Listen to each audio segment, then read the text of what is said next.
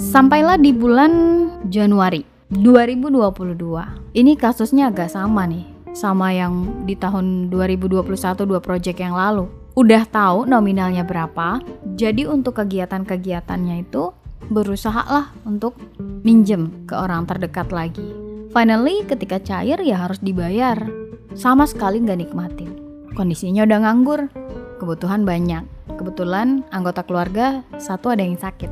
Mau nggak mau itu uang harus kepake, nggak bisa buat diri sendiri. Bulan kedua di Februari, dapat tawaran. Di sini juga komitmen, ada doa di dalam hati. Kalau misalnya dapat job atau punya duit, pasti bakal beli suatu barang ini. Kondisi udah nganggur dong. Kedarullah dapat tuh pekerjaan itu dan ngerasain juga kerja hari itu cair hari itu. Prosesnya nggak enak sih. Seolah-olah tuh nggak percaya, seolah-olah tuh ngedesek, seolah-olah tuh wah nggak bisa diajak kerja sama nih talent kayak gitu. Tapi Ana nggak pikir di situnya. Ana lebih fokus ke bagaimana mendapatkan fee itu. Mengingat pengalaman di tahun 2021 yang nggak bisa dibilang buruk, tapi memang kenyataannya di lapangan seperti itu. Lama cairnya. Oke, okay, itu di Februari. And then now, sekarang lagi proses menunggu. Setelah 2000, dua tahun lamanya, nggak dua tahun lamanya juga sih ya satu tahun setengah lah bergabung di salah satu agensi grup WhatsApp nggak pernah lolos tiba-tiba pengelolanya WhatsApp Ana untuk agak tricky nih sebenarnya si klien minta untuk full dummy sementara pengalaman di bulan Februari yang nggak enak itu proses pencairan dananya full dummy juga bahkan udah revisi tapi alhamdulillahnya itu di arahin sama mentornya harus jelas. Finally hari itu kerja, hari itu cair.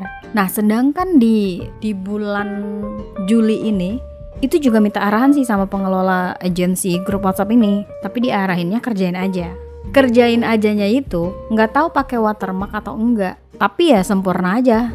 Dan dengan perjanjian, meskipun dami tetap ada fee-nya. Prosesnya sekarang lagi nunggu dan emang nggak ada curiga seperti pengalaman di bulan Juni di tahun 2021 itu. Proyek pertama dan proyek kedua. Lebih tenang, lebih sabar, lebih nunggu, lebih mengamati nih apakah semua proyek akan seperti ini. Jadi trauma traumatik untuk aduh dibayar lama nih itu masih ada, nggak bakal hilang karena baru tahun kemarin. Ini kan tahun 2022, kemarin tahun 2021 jadi belum tahu gimana cara ngelola uang, belum tahu maintenance klien seperti apa, belum tahu mengelola emosi supaya tetap sabar sampai benar-benar hasil kerja kita itu cair. Itu tuh masih benar-benar dikelola banget deh selama 2 tahun ini. Belum settle lah emosi-emosinya gitu kan. Keyakinan-keyakinannya tuh belum totali banget, belum total banget.